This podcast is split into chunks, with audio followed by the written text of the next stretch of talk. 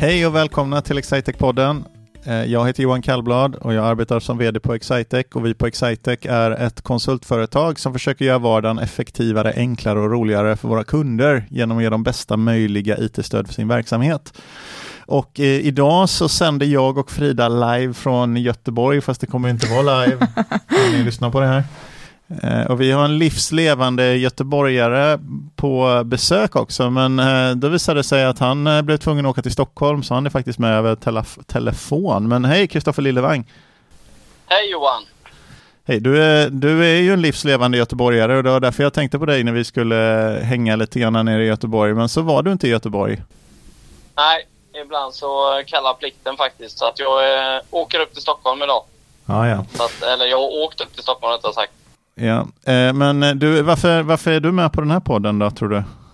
Det kanske jag ska svara Bra på. fråga. Det kan ju vara för att eh, Visma är en av era viktigaste partner och leverantörer. Ja, För att du, göra era kunder effektivare och nöjdare. Kan vara så. Ja, du är nämligen någon form av eh, försäljningschef va? på, på eh, Visma Software, kan det heta så? Försäljningschef eh, är ju Pontus, men jag är partneransvarig Partneransvarig. tillsammans med fyra andra kollegor. Och vi är en eh, partner till Visma. Precis.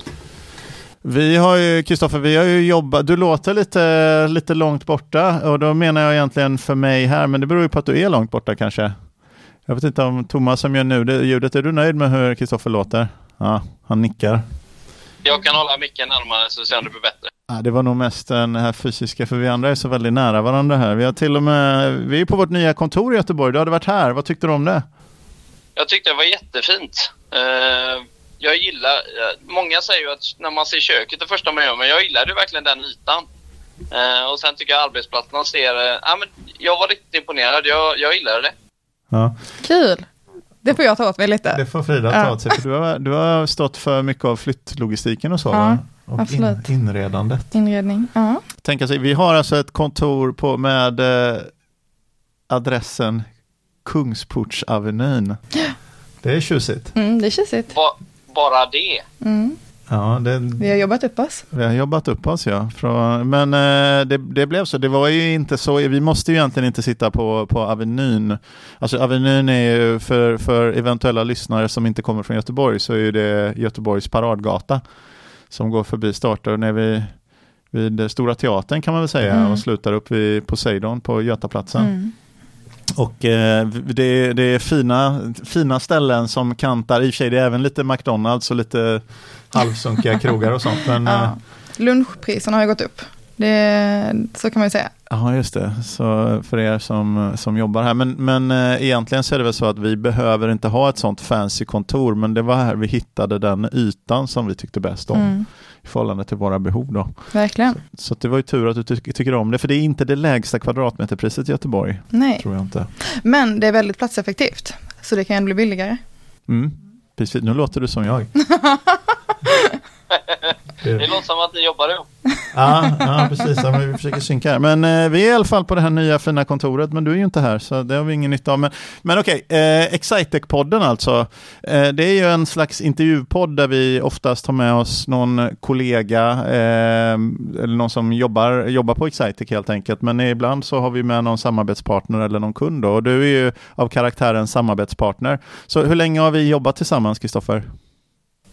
Eh, Jag började på Visma 2011 och jag fick börja jobba med Excitec 2014. Jag var tvungen att bli lite varm i kläderna först innan jag fick äran att börja samarbeta med Excitec just. Ja, okej. Så, så sex, men sex år i år då? Eh, I princip. Mer eller mindre intensivt. Ja, men det stämmer bra.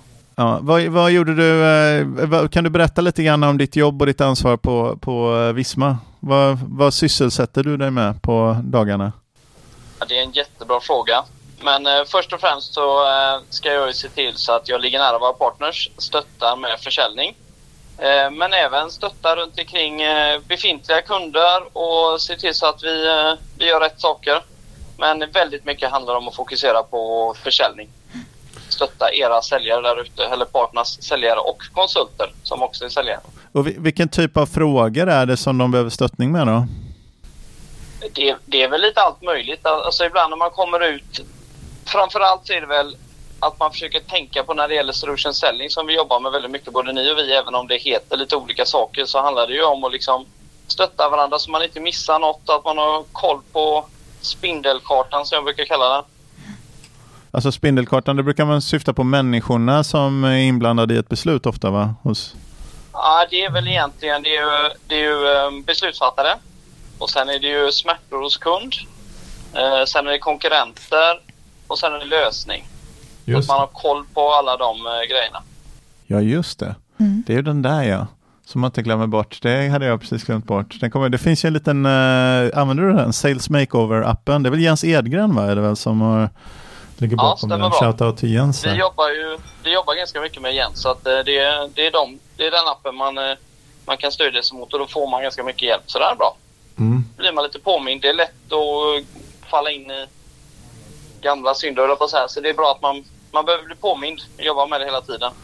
Det som jag tycker om med eh, solution selling, med det, det ramverket kring kring försäljning, även om vi jobbar ju inte, vi jobbar med ett ramverk som heter Customer Centric eh, Selling, men de är egentligen väldigt nära besläktade då, men det det handlar inte om eh, liksom det där krängandet, eller grundtanken tror jag är att om man ska köpa något sånt komplext som ett affärssystem till exempel, det är inte att säljaren tjatar ner dig och du säger ja, ja, okej, ge mig ett affärssystem då, utan det måste bygga liksom på en ordentlig förväntan om, om varför man ska, alltså beslutet att köpa något dyrt och abstrakt som ett affärssystem kommer, eh, kommer granskas så många gånger under processens gång att du måste se till att alla inblandade det, förstå vad det är de gör och man måste förstå vad det handlar om och ha en vision för vad man vill uppnå. Annars kommer det ändå inte bli någon affär och då vill man inte lägga tid på det. Det är, det är väl lite grann grundtänket då i, i de modellerna. Men det som jag gillar med dem är att de är, det är ganska mycket, hög grad av systematik egentligen. Det är inte så Ibland pratar vi om försäljning som den där egenskapen, ja, den här hen är säljande. Eh, i, i sitt beteende och så menar man, menar man någon som pratar mycket och inte lyssnar. Lite som jag just nu. så fem minuter senare. Två munnar och ett öra menar du Johan? Ja exakt, krokodilsäljaren som har stor mun och små öron.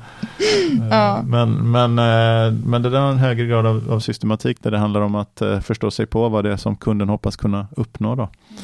Så det tycker jag är, är bra. Ja, vad, vad är det ja, men det är intressant. Förlåt, vad sa du Johan? Jag tänkte säga, berätta om något som du är stolt över då, som du har gjort under tiden på Visma. Jo men eh, framförallt är det ganska att jag kommer från en helt annan bransch eh, och hoppade in i IT-världen egentligen eh, på ett bananskal. För att jag var kund eh, och jag förstod egentligen ingenting när jag började. Eh, och det är väl en ganska stor utmaning som jag antog egentligen att hoppa in i en bransch där jag inte överhuvudtaget hade varit och inte ens varit i närheten av. Um, och kommit dit jag är idag. Det är jag ganska stolt över. Var, var kom du ifrån för någon bransch innan då? Jag kom från fordonsindustrin. Så jag, all, som alla göteborgare har man någon gång varit på Volvo. Ja, just det. Inte helt oväntat. Och jag har varit på båda. Det är en stor, stor västsvensk tillverkare av personbilar och, och lastbilar. För potentiella lyssnare som inte känner till. Ja. Vad gjorde du på Volvo då? Eh, de första sju åren efter gymnasiet så stod jag på golvet och monterade lastbil. Sänkte motor och monterade hytt och däck och tankar. Och, um, så det var roligt. Jag trivdes väldigt bra. Men sen kom ju varslet där 2008 då ekonomin i världen blev spännande. uh, så då blev jag varslad. Um, för man behöver jobba väldigt många år på Volvo för att inte åka med ett sånt varsel. Du, så jag hade ju sju, sju år det var då som Volvo hade negativ orderingång va? Något kvartal eller några kvartal tror jag. Precis. Man sålde färre lastbilar än vad det sades upp liggande beställningar. Oj, ja. Jag, ja. Den är ju tuff. Att, eh, och då hamnade jag på ett nystartat bolag inom Volvo Cars som skulle driva vidare deras gasbilsförsäljning. Så att eh, den, det fick jag vara med och bygga upp, så det var väldigt intressant. Vad sa du, gasbilsförsäljning? Ja, precis. Eller tillverkning snarare. Vi, vi hjälpte ju Volvo att eh, fortsätta tillverkning av gasbilar. När Volvo la ner det 2008, men de ville fortfarande ha kvar det. Så då skapades ett bolag, kan man säga, utanför Volvo, men de var som ett Volvo-bolag. Nu, mm. nu, kan jag se dig på bilden här och ser att micken har glidit iväg lite från din mun. Så, bra. Vi har nämligen hangouts, det ser inte våra lyssnare här, men vi sitter och tittar på Kristoffer via mm. Det är viktigt för känslan. Google, Google Meet. Ja.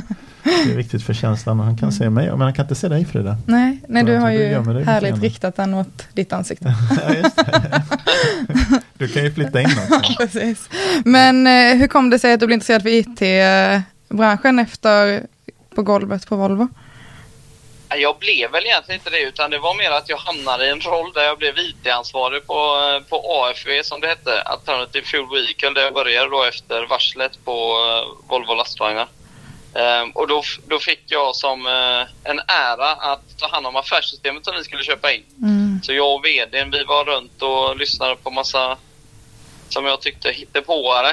Ingen, det var väldigt stort mörker för att hitta ett affärssystem som skulle klara av den komplexiteten med spårbarhet och eh, för när det gäller Volvo och bilar generellt så behöver man ha full koll på varenda skruv i exakt vilken bil den sitter. Så att, ehm, där fick vi gräva ett tag, men till slut hittade vi ju faktiskt eh, Visma Business som vi då köpte och körde på i.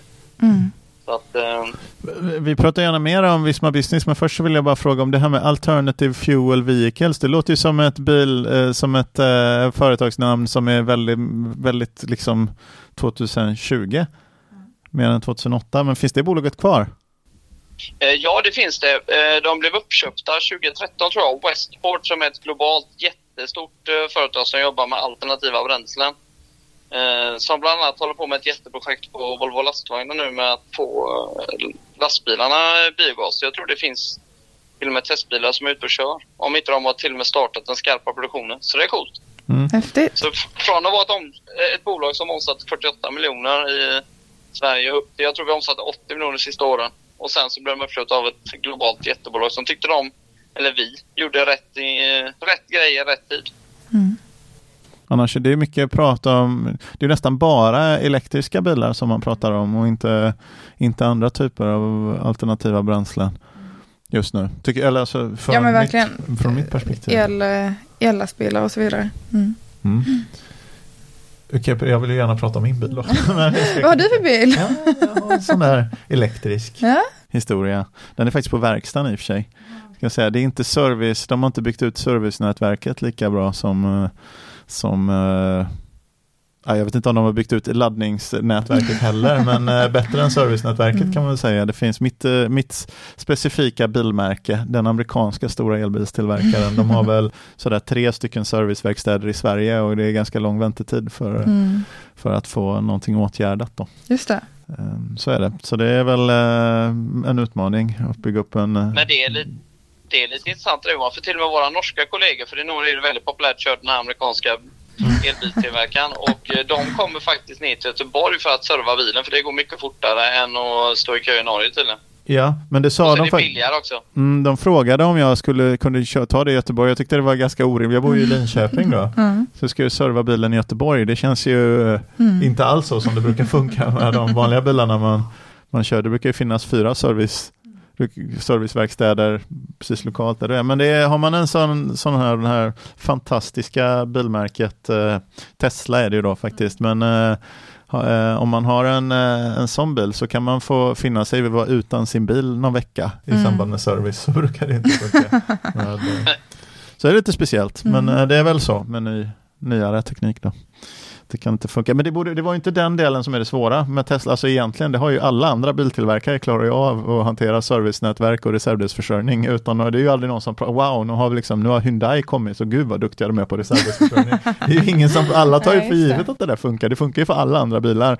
Så varför funkar det inte på den enda elektriska bilen? Det borde funka. Men det var en, ehm, det kan, det kan antagligen Kristoffer mer om än vad vi kan. Men du, vad använder ni Visma Business till då? Det här härliga affärssystemet från din arbetsgivare? Nej, men det var ju egentligen, vi körde ju det systemet eh, rakt igenom.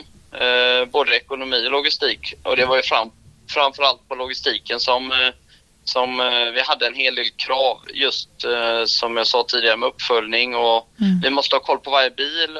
Det, de gick ju igenom en ny besiktning och det skulle dokumenteras och, och på det så behöver du ha koll på exakt vilka grejer som sitter i bilen som vi till, tillför då mot vad som satt där innan. För Volvo tillverkade bilarna och de som var gasbilar hamnade hos oss. Vi låg på samma område som Volvo Cars. Så egentligen så tog bilarna istället för höger och ut på parkeringen så gick de vänster in till oss och så förädlade vi bilen genom att montera i gasbilsutrustningen då. Mm. Och sen besiktade och sen ställde vi tillbaka den på parkeringen och sen gick den ut till återförsäljarna och ut till slutkund. Mm. Så att hela den kedjan från det att vi köpte in till det att vi monterade tills det att det var produktion tills att vi trycktestade med gas för första gången. Alla de eh, stegen eh, gick via plocklistan och genom Visma Business för att sedan ha full spårbarhet tillbaka då när vi var klara med bilen och sålde den till återförsäljaren. Vad hamnar den? Är det taxichaufförer och sånt som köpte gasbilar i huvudsak eller vilka? Ja, gasbilarna var... Eh, taxiflottan ställde om ganska mycket där och hade redan eh, ganska mycket gasbilar. Så att eh, ja, det var mycket taxibilar. Av 800-900 ordrar så var säkert 450-500 eh, taxibilar. Sen var det mycket tjänstebilar till Volvo-koncernen, både trucks och eh, cars och även equipment som ligger i Skövde. Kunde man ta bort någonting eller var det samma växellådor och motorer och sådär i övrigt? Nej, det var ju, det, den byggde ju på en specifik motor. Så att det var den motorn, ganska stor bensinare. Ehm, gamla etanolmotorn var det faktiskt. För vi behöv, man behöver lite extra förstärkningar som det finns. Eh, för gasen är ganska aggressiv mot motorn. Så att ehm, 2,5 liters lättrycksturbo på 220 hästar var det.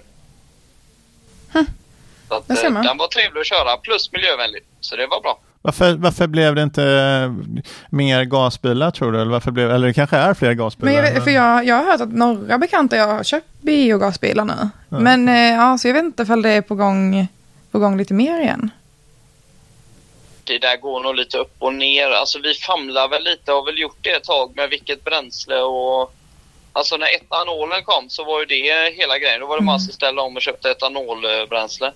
Eh, sen, glöm, sen glömmer man ju... Alltså man måste titta på hela kedjan om vi nu ska prata miljö och sådär. Så måste man ju titta på hela cykeln på framställning.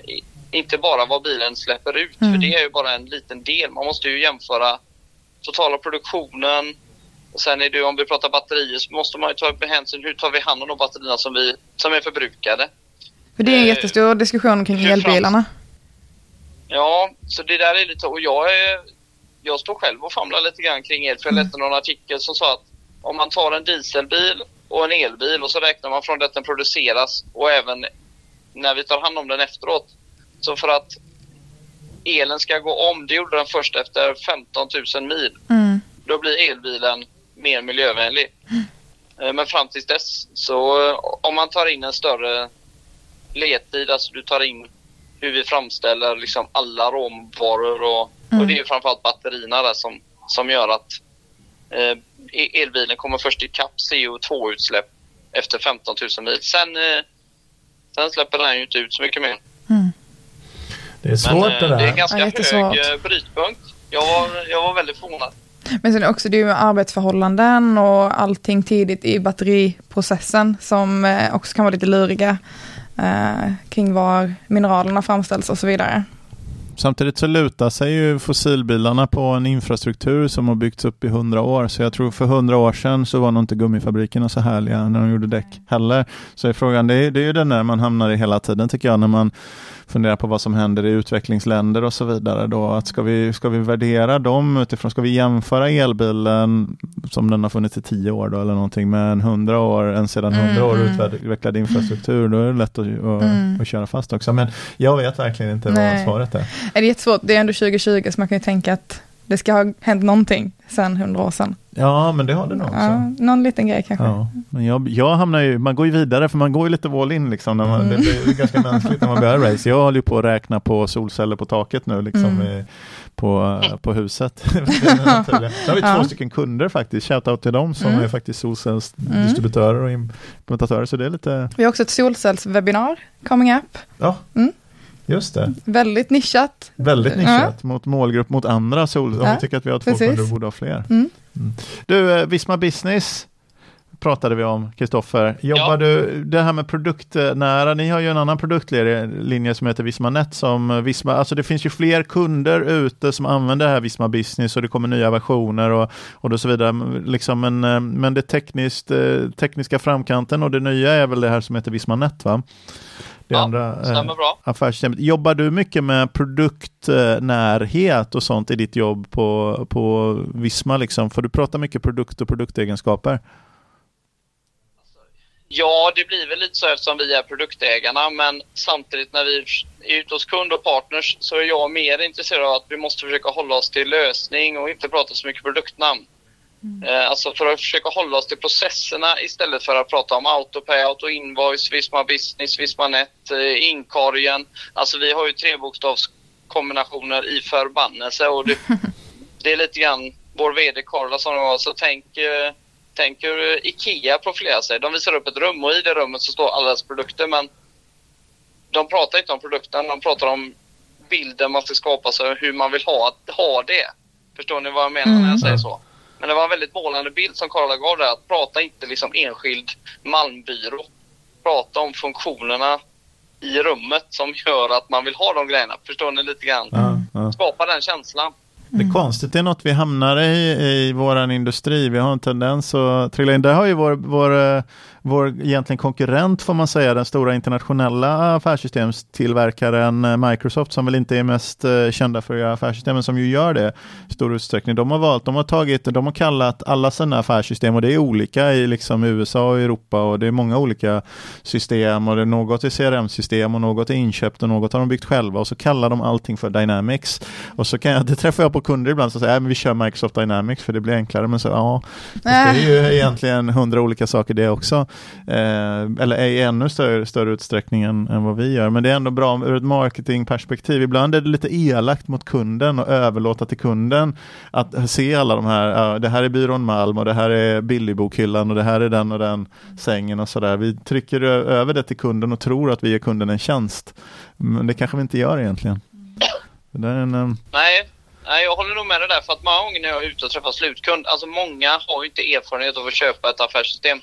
Eh, de flesta kanske bara gör det en, två gånger i sitt liv. Och, och det är svårt att köpa IT. Det var lite grann så, alltså köper man en bil så ser du den framför dig. Du, den stora frågan är om du ska ha dragkrok eller inte och vilken växellåda. Alltså, men du kan fortfarande provköra båda. Det är väldigt svårt att bygga en, en proof of concept när man säljer affärssystem som vi liksom kan ta kunden in i det här visuella. Det, är- det är nästa grej som vi behöver jobba på kanske.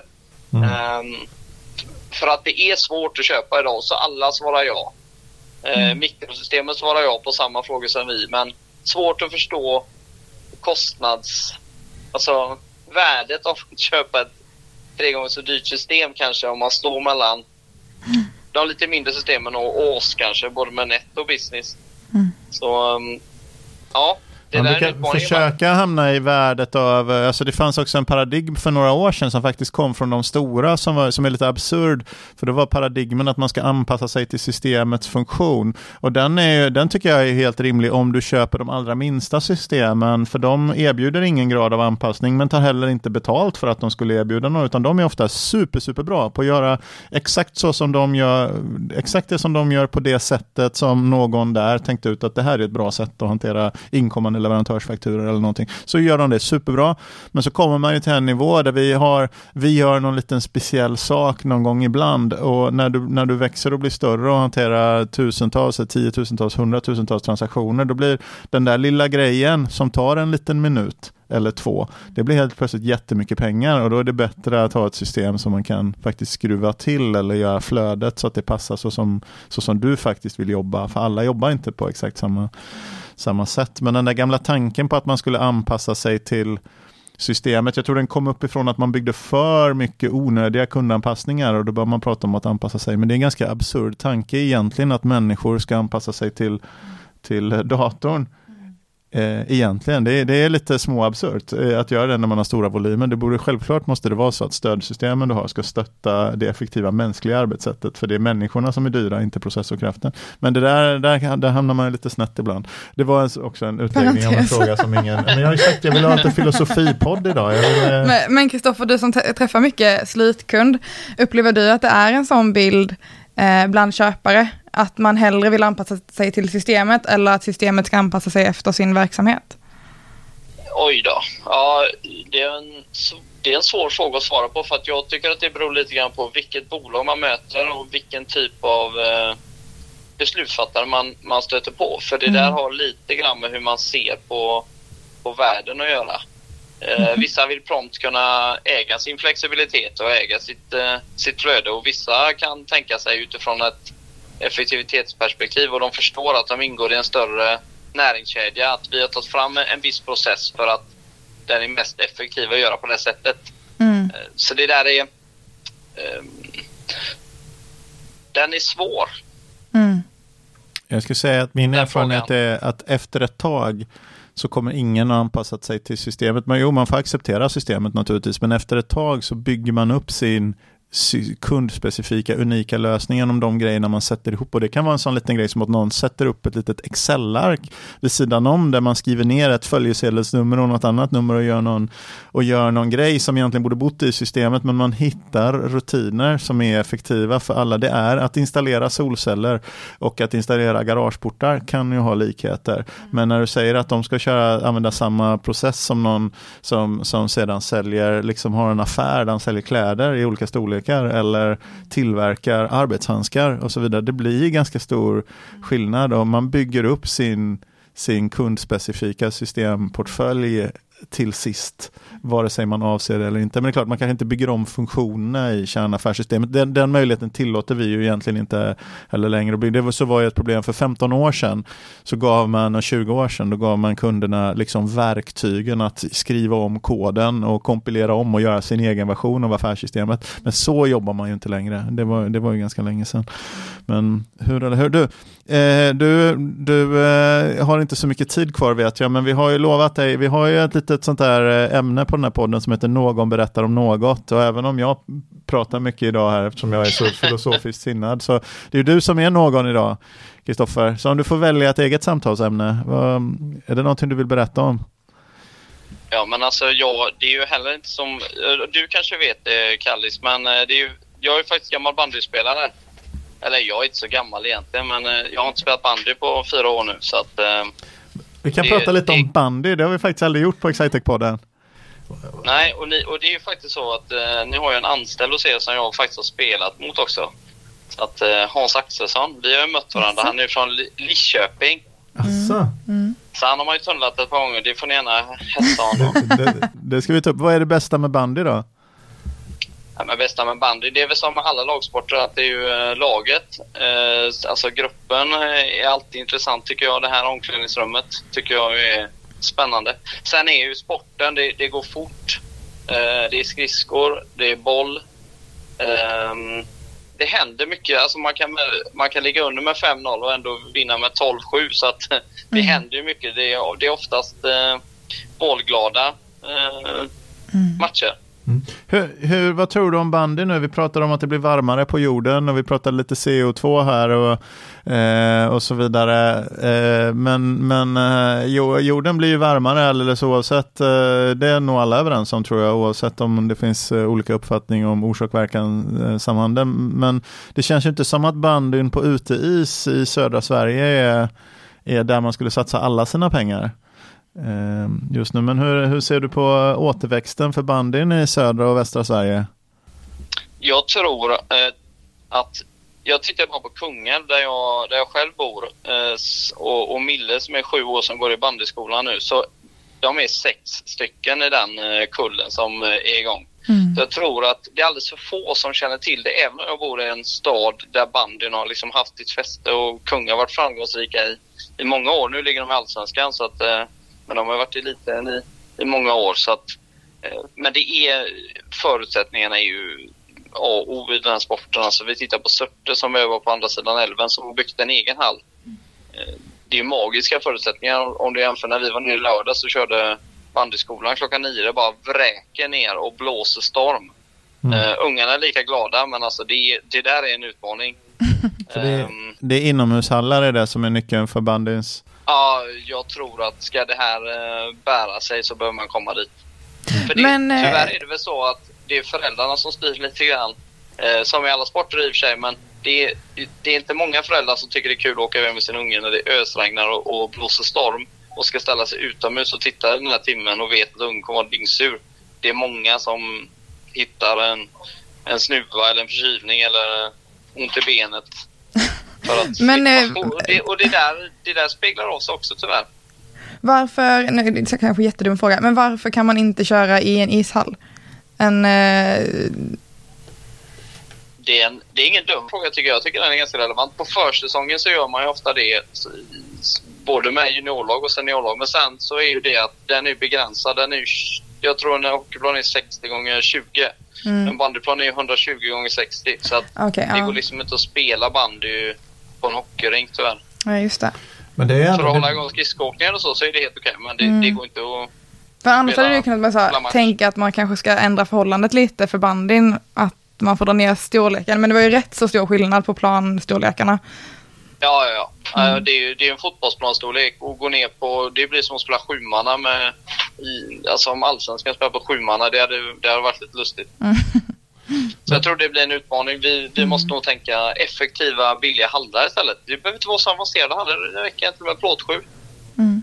men det är ganska intressant för det borde ju kunna fungera. Den här konditionsaspekten är ju med i bandy och så är det inte så mycket och så spelar man hela Det är inte som i hockeyn att man blir trött efter 80 sekunder och måste ut och vila. Utan den har konditionsaspekten, det är inte så mycket avbrott. Det är ett flöde liksom som borde vara, men det är, ja, det är väl svårt. Men Mm. den borde ha, och det är inte lika mycket hjärnskakningar inbillar jag mig som i hockey. Nej, Så, nej det har du rätt, det har du rätt, rätt i. Även fast farten kan vara bra mycket högre eftersom du har större ja. Men eh, Mm.